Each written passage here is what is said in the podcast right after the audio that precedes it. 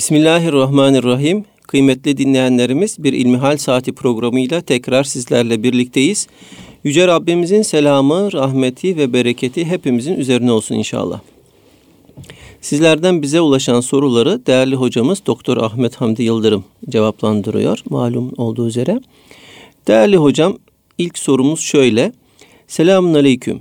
İblis Allah'ın emrine neden karşı gelmiş? Oysa ki meleklerin özgür iradesi olmadığını biliyordum. Melekler yalnızca Allah'ın emirlerini sorgusuz yerine getirmek için yaratılmışsa iblis neden kibirlik yapıyor? Şimdiden teşekkür ediyorum. Cevabınızı bekliyorum demiş. Elhamdülillahi Rabbil Alemin ve salatu ve selamu ala Resulina Muhammedin ve ala alihi ve sahbihi ecmain. Kardeşimizin sorusu inanç dünyamızla alakalı bir soru. Akaid meselelerinden bir soru. Cenab-ı Allah farklı alemler yaratmış. Nitekim Fatiha suresinin başında Elhamdülillahi Rabbil Alemin diyoruz. Alemlerin Rabbi olan Allah'a aittir bütün hamdler.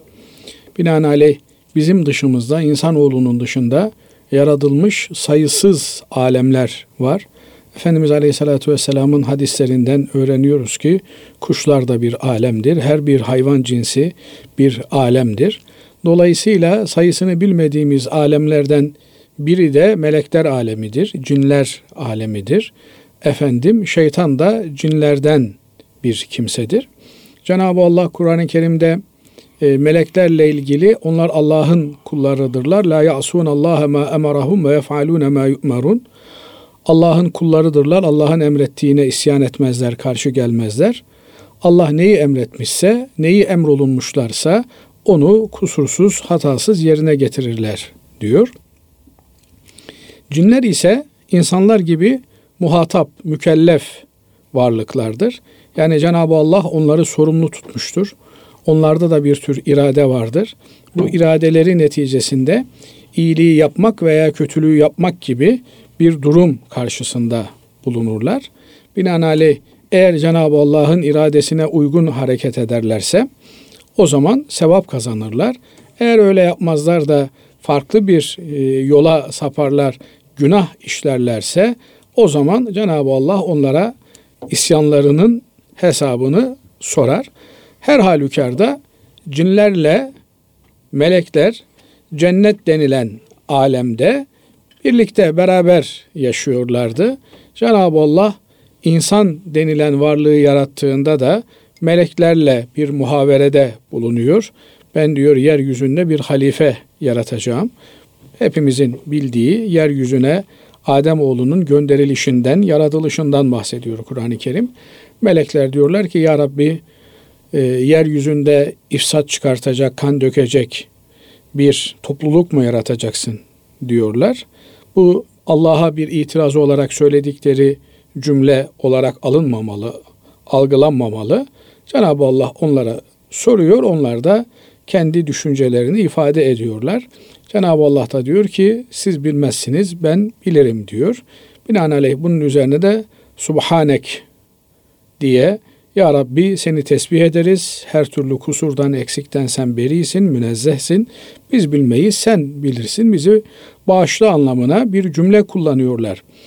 Demek ki e, biz meleklerle ilgili bilgileri, cinlerle ilgili bilgileri Kur'an-ı Kerim'den ve Efendimiz Aleyhisselatü Vesselam'ın hadislerinden öğrenebiliyoruz. Çünkü görmediğimiz varlıklar olduğu için, göremediğimiz varlıklar olduğu için onlar, onlarla ilgili bilgiyi onları yaradan ve onlarla ilgili her şeyi bilen Rabbimizin bildirmesiyle ancak bilebiliyoruz.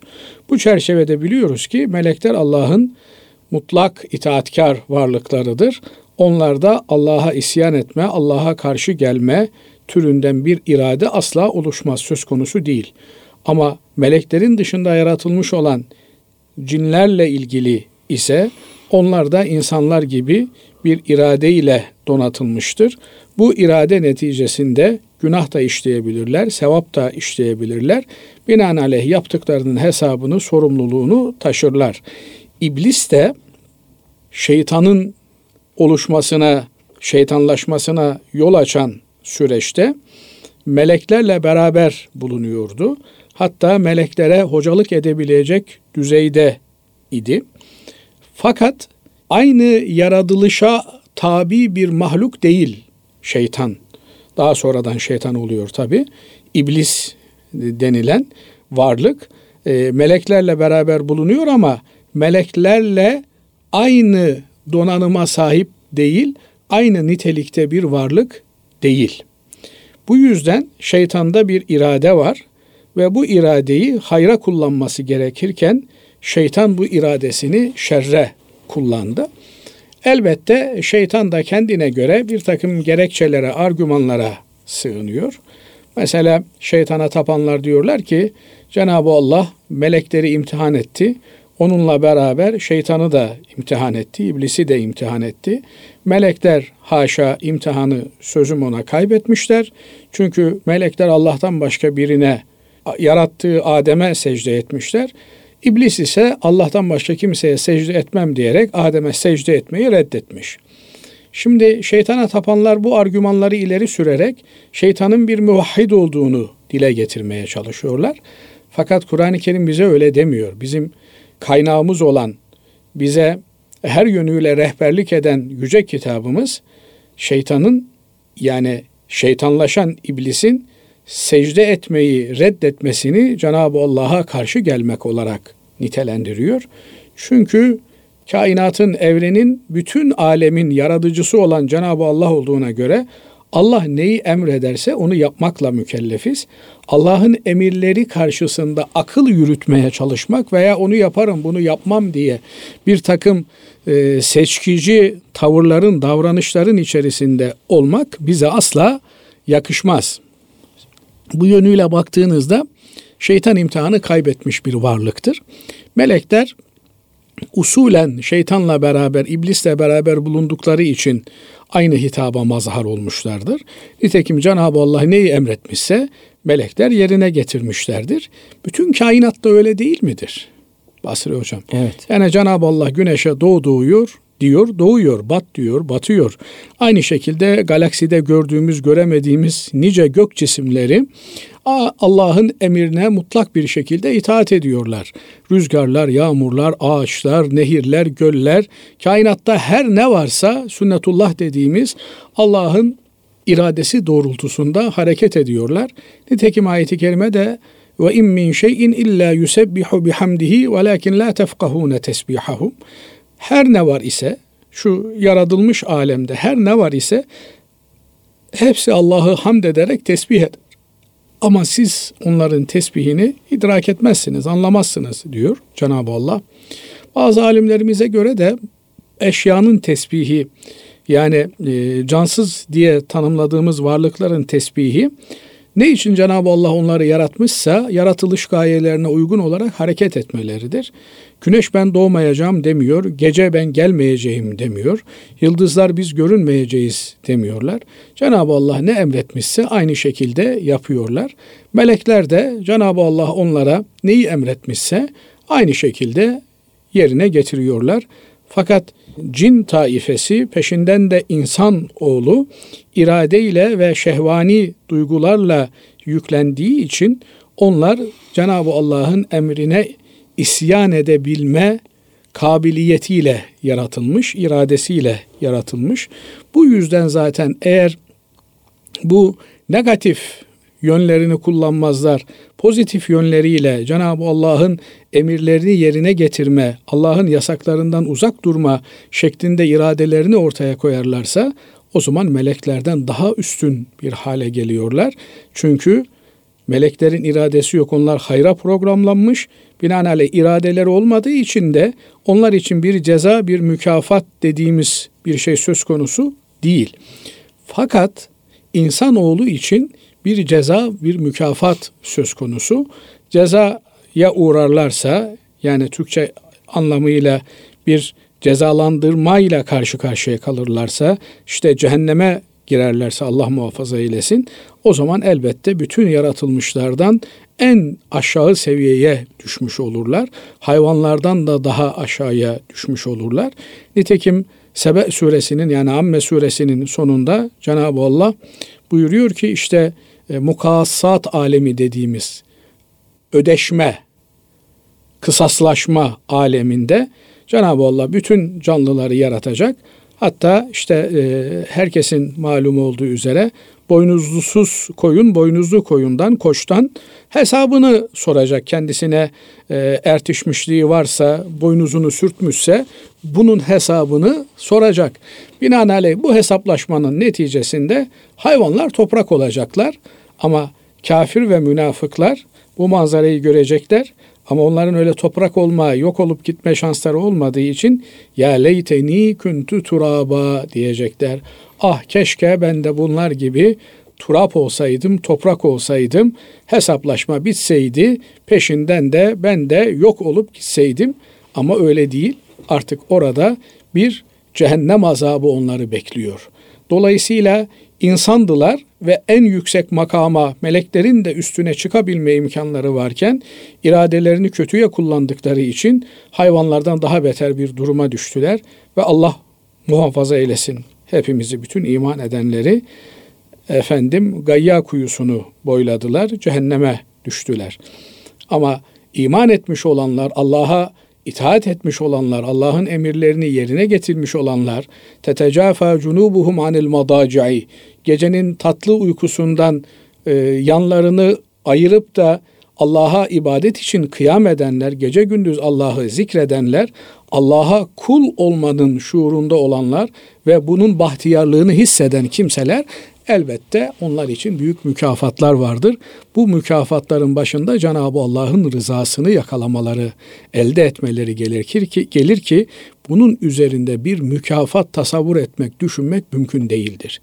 İnsan için en büyük mükafat Allah'ın ondan razı olmasıdır. Nitekim ayeti kerime وَرِضْوَانٌ minhu ekber buyuruyor. Yani Cenab-ı Allah'ın şuncacık basit bir düzeyde bile kulundan razı olması bütün her şeyden daha büyüktür.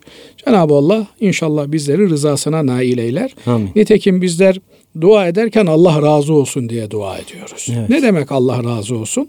Allah'ın rızasına eresin. Allah'ın hoşnutluğuna kavuşasın. Çünkü Allah bir kulundan razı oldu mu artık her şey onun o kulu için asan hale, kolay hale gelmiş demektir. Cenab-ı Allah bizleri bu şuurla yaşatsın. Şimdi böyle olunca meleklerin içinden bir kişi olmadığı için iblis. Yani e, Kur'an-ı Kerim'de e, melekler secde ettiler, iblis secde etmedi diyor ayeti kerime. Bu e, ifade iblisin meleklerden bir melek olduğu anlamına gelmiyor haşa. Aksine burada Arap dili kuralları açısından farklı bir istisna türü söz konusu. E, bu bağlamda e, ayeti kerimede açık bir şekilde diyor ki kâne minel cinni fefesaka an emri rabbi. İblis cinnilerden, cin taifesinden idi. Cin taifesinin ulularından bir kimseydi. Fefesaka an emri rabbihi. Rabbinin emrine isyan etti. Rabbinin emrinden çıktı ve Allah'ın lanetine müstahak oldu. Binaenaleyh bu imtihan düzeyinde meleklerin ki bir imtihan değil, onlara bir e, teklifti ama iblise yönelik olan emir bir imtihandı. Nitekim Cenab-ı Allah meleklerle iblise aynı anda emretmek suretiyle şeytana kendine gelebilme ve akıllı düşünebilme imkanını da bahşetmiş oldu. Bak bunlar benim isyan etmeyen yaratıklarım. Sen de onlar gibi yapıp isyan etmeyebilirdin. Ama onlar itaat ettikleri halde sen itaat etmemekle yoldan çıkmış oldun. Binaenaleyh şeytanın bu noktada söyleyebilecek, ileriye e, sunabilecek hiçbir gerekçesi yoktur. Sadece hadislerde görüyoruz ki şeytan şeytanlığını yaptıktan sonra nasıl olsa tövbe kapısı açık diye gün gelir ben de tövbe ederim yaptığım her şey silinir ümidiyle beklemektedir. Fakat hadis-i şerifler bir gün tövbe etmek için e, müracaat ettiğinde işin vaktinin bittiğini görecek. İş işten geçmiş bunun farkına varacak. Ağlayarak feryadu figan kopartacak. Diğer cinniler ne oldu diye onun etrafına toplandıklarında işte şimdi yandık diyecek. Malinde hadisi şeriflerden öğreniyoruz ki şeytan kıyamete yakın tövbe etmeyi düşünüyor. Ama Cenab-ı Allah ona bu tövbeyi nasip etmeyecek. Evet. Allah razı olsun hocam. Ee, şimdi diğer bir sorumuza geçelim. İkinci sorumuza. Peygamberimiz hiç 61 tuttu mu? Ben ömürde bir kere 61 tutmak sünnet diye biliyordum ve bazen bunu dile getiriyordum. Eğer sünnet değilse şimdiye kadar çok mu günaha girmişimdir diye soruyor dinleyicimiz. Şimdi Hazreti Peygamber aleyhissalatü vesselam Efendimizin sünneti nedir? Sorusunun cevabıyla başlayalım isterseniz. Çünkü bunu bilmeden bu tür bir e, soruya cevap vermek biraz afaki konuşmak olacak. Hazreti Peygamber aleyhissalatü vesselam Efendimizin mübarek ağızlarından çıkan sözleri, mübarek eylemleri ve Hazreti Peygamber aleyhissalatü vesselam Efendimizin yanında vuku bulmuş, Hazreti Peygamber Efendimizin de tasdik ettiği, onayladığı ki eğer yanlış bir şey ise bir yanlış yapılmışsa Hazreti Peygamber Efendimizin bunu sükut ederek geçirmesi mümkün değil.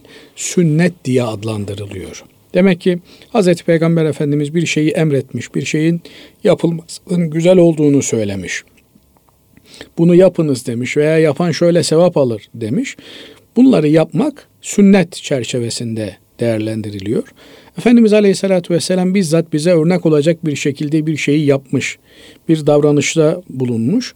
Bunu peridik olarak yapması mümkün olduğu gibi birkaç defa yapması da söz konusu olabilir. Bu noktada da Hz. Peygamber aleyhissalatü vesselam Efendimizin yaptıkları sünnet olarak değerlendiriliyor. Yine Efendimiz aleyhissalatü vesselamın yanında ashab-ı kiram tarafından bir şey söylenmiş veya bir olay nakledilmiş. Hz. Peygamber Efendimiz bunu sükut ile karşılamış veya ne güzel yaptınız, ne iyi yaptınız diye tasvip ederek söylemiş ise bunlar da yine Hz. Peygamber Efendimizin takriri yani onayladığı sünnetleri anlamına geliyor. Şimdi Hz. Peygamber aleyhissalatü vesselam Efendimiz 61 gün oruç tuttu mu ifadesinin gerisine bakacak olursak bu kardeşimiz diyor ki yani Hz. Peygamber Efendimiz bir oruç kefareti tuttu mu? Çünkü oruç kefaretinde iki ay peş peşe oruç tutmak esastır. Bu e, oruç tutulmayan günü de ilave ettiğiniz zaman iki ay 60 gün bir de tutulmayan gün 61 gün artı artı bir 61 gün oruç yapmış oluyor. Kim efendim 61 gün orucu tutmak durumunda Ramazan orucunu bile isteye bozan bir kimse bu 61 gün orucu yani bir gün orucun kazası 60 günde kefareti olmak üzere tutmak zorunda. Çünkü Hz. Peygamber aleyhissalatü vesselam Efendimizin hadislerinden bunu öğreniyoruz, bunu görüyoruz. Uygulamalarından da bunu görüyoruz. Nitekim sahabe efendilerimizden biri Ramazan günü oruç bozan bir eylem işlemiş. Efendimiz Aleyhisselatü Vesselam'a olay intikal ettiğinde Efendimiz Aleyhisselatü Vesselam bu sahabiye iki ay oruç tutmasını emretmiş. O da ya Resulallah ben e, Ramazan ayının orucunu tutamadım. iki ayı nasıl tutayım? Çünkü çok yaşlı bir sahabe efendimizmiş. Efendimiz Aleyhisselatü Vesselam bunun üzerine 60 fakiri doyurmasını emretmiş. Herkesin bildiği malum bir hadisi şerif. Hasılı kelam 60 gün oruç meselesi bir kefaret olarak tutulan oruçtur. Kefaret sadece Ramazan orucunu Ramazan ayında bozmanın cezası olarak karşımıza çıkmıyor. Kefaret bir cinayet işlenirse işte trafik kazası yaptı, birinin ölümüne sebebiyet verdi, hata ile birini öldürdü. Burada da bir kefaret tutulması gerekiyor. Efendim e, zihar dediğimiz bir karı koca arasında ayrılık türü söz konusu. Bununla ilgili bir işlemde bulunan kocanın da 60 gün yine kefaret tutması gerekir. Efendim oruçta böyle bir kefaret vardır. Hasılı kelam bu 60 gün birkaç tane günahın kefareti olarak karşımıza çıkıyor. Fakat 61 gün deyince kardeşimiz anladık ki buradan bu oruç kefaretini kastediyor. Biri Orucun kazası 60'ı da kefareti. Şimdi Hazreti Peygamber aleyhissalatü vesselam Efendimiz 61 gün oruç tuttu mu? Bunu tutması için Hazreti Peygamber Efendimizin Ramazan orucunu bile isteye bozması lazım gelir ki haşa böyle bir şey Hazreti Peygamber Aleyhisselatü Vesselam Efendimiz'den sadır olmaz, söz konusu olmaz. Ama böyle bir şey sahabeden birinin başına gelmiş. Efendimiz Aleyhisselatü Vesselam da ona iki ay oruç tutmasını emretmiş. Oruç tutamıyorsan o zaman efendim her gün için bir fakir olmak üzere 60 fakiri sabah akşam doyurmasını emretmiş.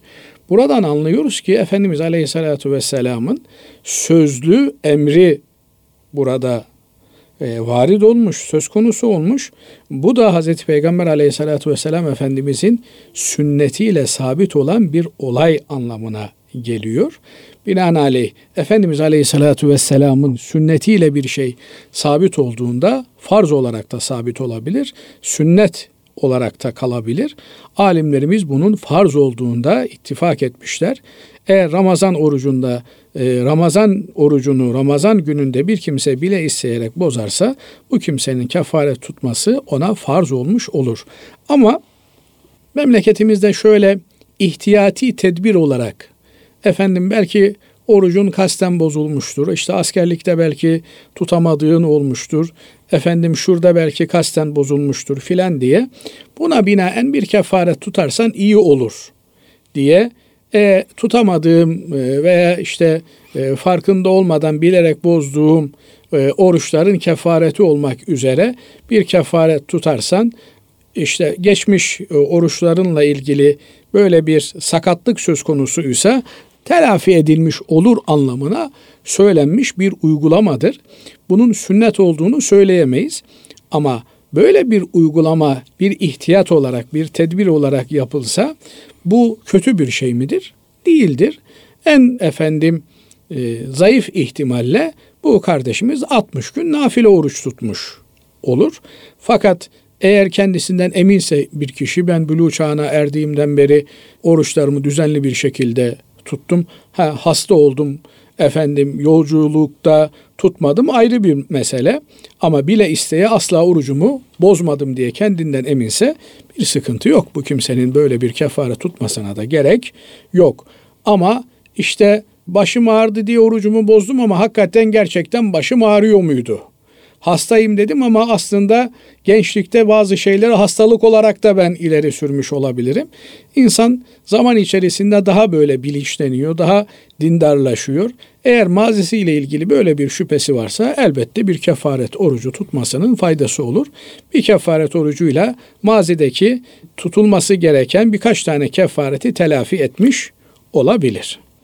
Değerli hocam şöyle bir soru bize ulaşmış. İnsan nereye kadar iyilik, fedakarlık, diğergamlık yapmalıdır? Bunun vicdan dışında bir ölçütü var mıdır? Sürekli biz fedakarlık yapıyoruz ama karşıdan hiçbir pozitif yaklaşım görmüyorsak yine de fedakarlığa devam etmeli miyiz? Şimdi fedakarlık ifadesini eğer e, bir insan kendinden taviz olarak görüyorsa burada sıkıntı var demektir. O zaman hakiki anlamda bir fedakarlık yapılmıyor demektir. Hesap işi söz konusudur. Yani eğer bir insan yaptığı iyiliklerin çetelesini tutuyorsa işte ben üç tane iyilik yaptım, beş tane iyilik yaptım, sen bana bir tane iyilik yaptın, iki tane iyilik yaptın. Matematiksel bir ödeşmenin hesabını tutuyor demektir. Bizim Anadolu irfanının güzel bir ifadesi var. İyilik yap denize at, balık bilmezse Halık bilir. Eğer biz yaptığımız bir şeyi karşıdan bir teşekkür almak için yapıyorsak zaten baştan yanlış yapıyoruz demektir. Biz iyiliği iyilik olduğu için yapmaya mecburuz. Allah bize iyilik yapmayı emrettiği için yapmaya mecburuz. Cenab-ı Allah kullarının iyilik yapmasını istiyor. İhsan üzere olmalarını istiyor. Binaenaleyh yapılan iyilik ihlasla Allah için yapılmalıdır. Kime olursa olsun. Allah bize kime iyilik yapmamızı emrediyorsa ona iyilik yapmaya mecburuz. Ve bil valideyni ihsana diyor Cenab-ı Allah. En fazla iyilik yapmamız gereken annemiz babamızdır. Anneye babaya iyilik yapmaya mecburuz. Efendim ben anneme iyilik yapıyorum ama annem bana terlikle vuruyor. Babama iyilik yapıyorum ama babam bana küfürler ediyor. Ben yine ona iyilik yapmaya mecbur muyum? Mecbursun. Mecbursun. Niye? Çünkü Cenab-ı Allah sana iyilik yapmanı emrediyor. Dahası ve la tekul lehuma uff. Onlara üf bile deme diyor. Of, pof, bıktım. Hep ben mi yapacağım? Hep ben mi? Başka çocuğun yok mu? Başka oğlun yok mu? Başka kızın yok mu? Bu tür ifadeler çok yanlış ifadelerdir. Ee, Basri hocam bir insan hayatını bir maraton koşusu olarak düşünmeli. Bunun finish çizgisi son nefestir. Son nefeste iman selametiyle gidebilmek önemlidir. Bir insan hadis-i şerifte net bir şekilde ifade ediliyor. 70 sene 80 sene iman ile devam eder, cennet işleri işlemeye devam eder. Son demlerinde Allah muhafaza etsin cehennemlik işler yapar ve cehenneme yuvarlanır gider.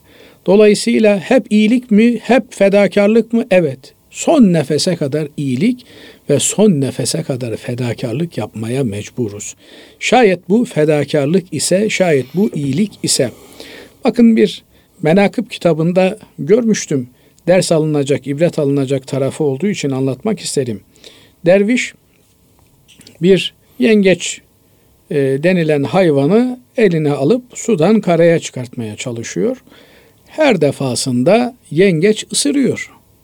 Diyorlar ki dervişe sen diyorlar bırak boğulsun niye uğraşıyorsun ki bu yengeçle bak her defasında seni ısırıyor.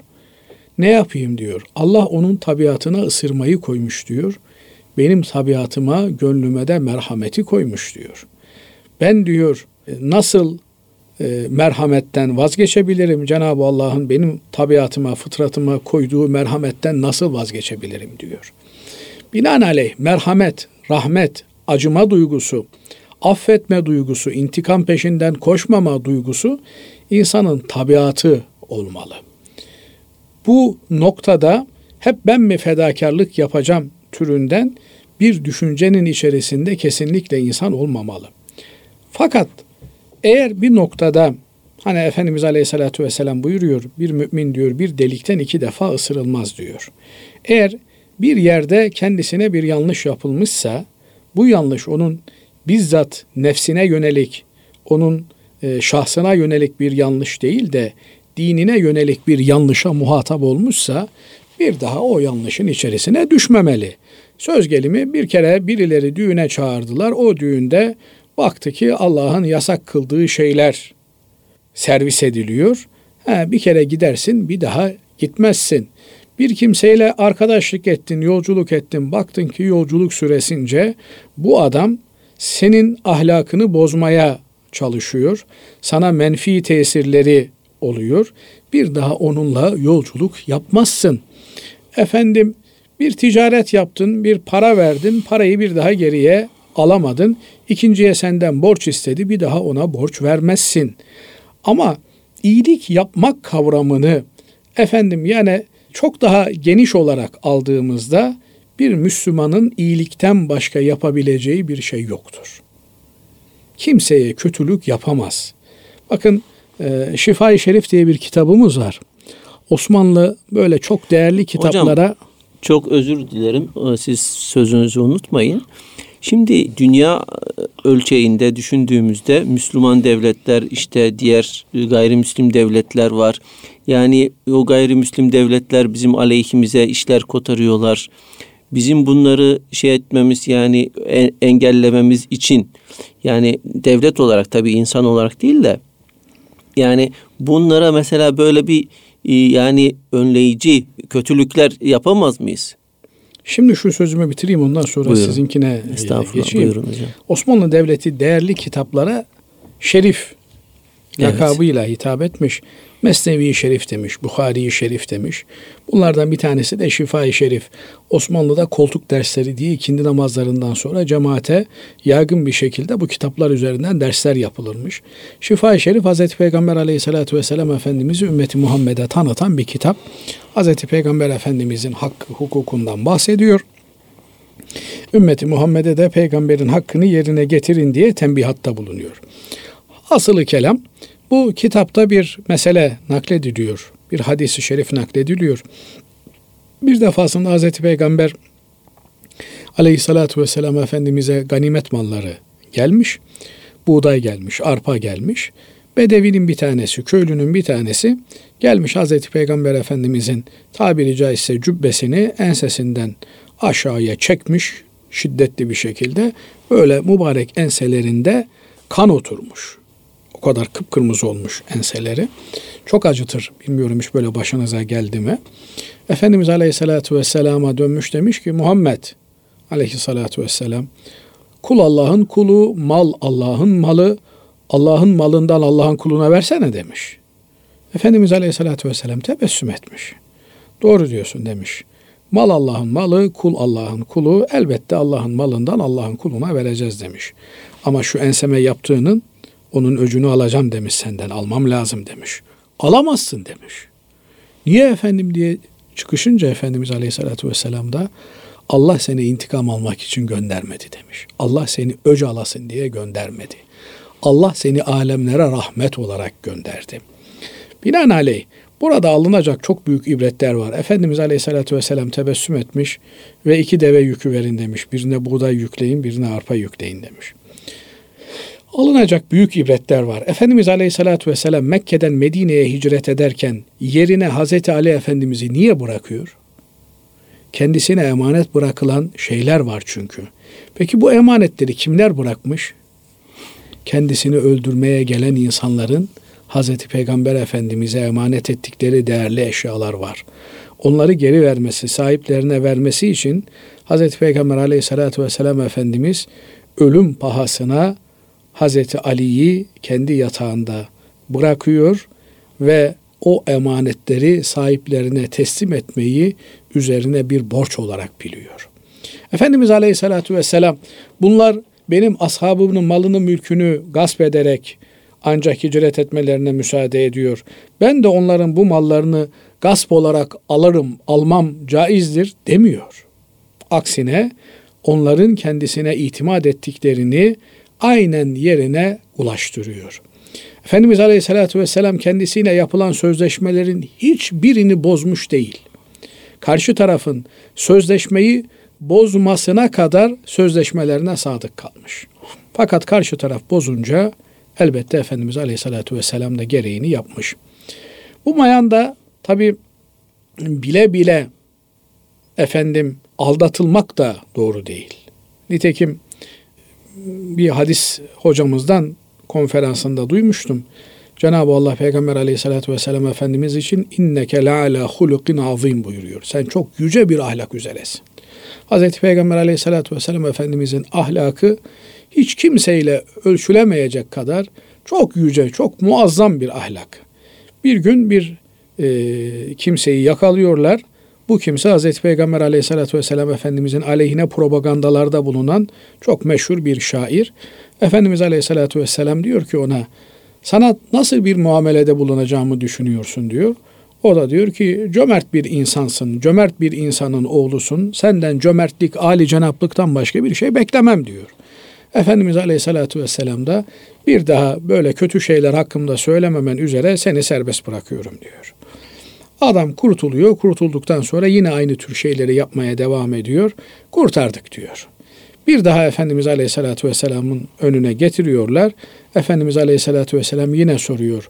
Sana ne yapacağımı düşünüyorsun diyor. Yine aynı şeyleri söylüyor. Efendim diyor siz cömert bir insansınız. Cömert insanların evladısınız. Sizden âli cenaplıktan başka bir şey beklenmez. Efendimiz Aleyhisselatü Vesselam da buyuruyor ki evet diyor bu sefer âli cenaplık diyor sana hak ettiğin cezayı vermektir diyor.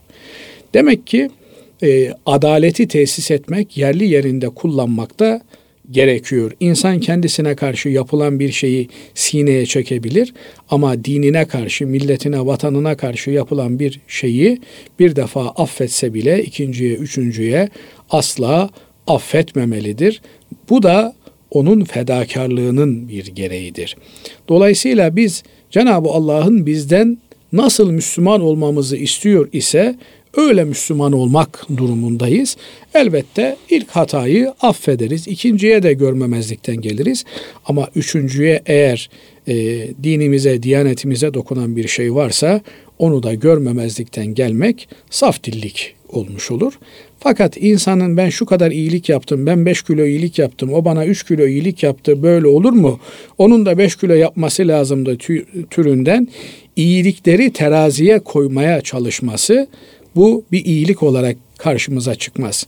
Kaldı ki Basri Hocam Cenab-ı Allah buyuruyor ki Estağfirullah kavlun ma'rufun ve mağfiratun hayrun min sadakatin yetba'uha eza. Yani güzel bir söz, hoş evet. bir söz, bağışlama peşinden eza cefa yapılan bir sadakadan daha hayırlıdır diyor. Evet. Yani iyilik yapıp da ben sana iyilik yapmamış mıydım diye bir de e, onun e, nutkunu çekmek bu bir iyilik olarak tanımlanmıyor. Vallahu ganiyyun halim. Allah'ın sizin iyiliğinize ihtiyacı yok. Allah ganidir, halimdir. Eğer güzel bir söz söyleyecekseniz Allah o sözü önceden söylemiş zaten sizin söylemenize de ihtiyaç yok. Dolayısıyla biz eğer affedebiliyorsak kendimiz adına affediyoruz demektir. Unutmayalım affedici olan insanlara Cenab-ı Allah çok farklı mükafatlar veriyor. Hem dünyada hem ahirette. Dünyadaki en büyük mükafatı ise o insanların psikolojik yönlerinin huzurlu olmasıdır. Ama affedici olmayan, intikamcı olan insanlar kendi kendini yerler, ateşin odunu yiyip bitirdiği gibi. Dolayısıyla biz iyilik yapmaya emrolunmuşuz. İyiliğin çetelesini de tutmamak gerekir. Evet değerli hocam son sorumuz bugünlük. Efendim balın öşrü nasıl olur? Nisap miktarı var mıdır? Ne kadar verilir? Ee, bal Hazreti Peygamber aleyhissalatü vesselam Efendimiz döneminde hakkında hadis varid olmamış bir e, ürün. Binaenaleyh e, ama balı her ne kadar e, arılar yapıyor, üretiyor ise de nihayetinde çiçeklerden beslenerek ürettikleri için bunu e, çiçeğin öşürüne yani nebatın, bitkinin öşürüne dahil midir, değil midir meselesi gündeme geliyor.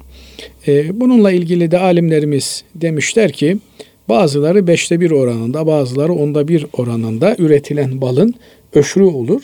Eğer çok zahmetli oluyorsa 20'de bir oranında öşrü olur diye söylemişler.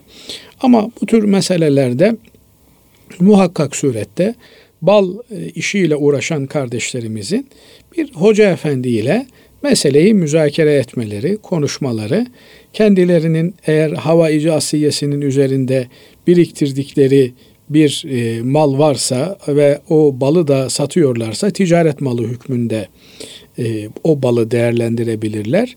E, ama öyle değil de e, büyük çapta bir bal işi yapıyorlarsa o zaman da e, bu kardeşimize hoca efendi uygun olan bir cevabı lütfeder. Bu tür e, meselelerde biraz da kişiyle e, alakalı meseleler olduğu için tür e, radyo programları üzerinden genellemek doğru olmaz. Bazen yanlış anlaşılmalara sebebiyet veriyor. Binaenaleyh nasıl bir muhasebecimiz varsa muhasebeyle ilgili işlemlerimizi onlar aracılığıyla görüyorsak bu tür zekat meselelerinde de muhakkak uzmanlarına danışarak onların bize vereceği fetvalar çerçevesinde hareket etmemiz en doğru olan olacaktır. Allah razı olsun hocam. Teşekkür ediyoruz. Kıymetli dinleyenlerimiz bir İlmihal Saati programının daha sonuna ermiş bulunuyoruz. Hepinizi Allah'a emanet ediyoruz efendim. Hoşçakalın.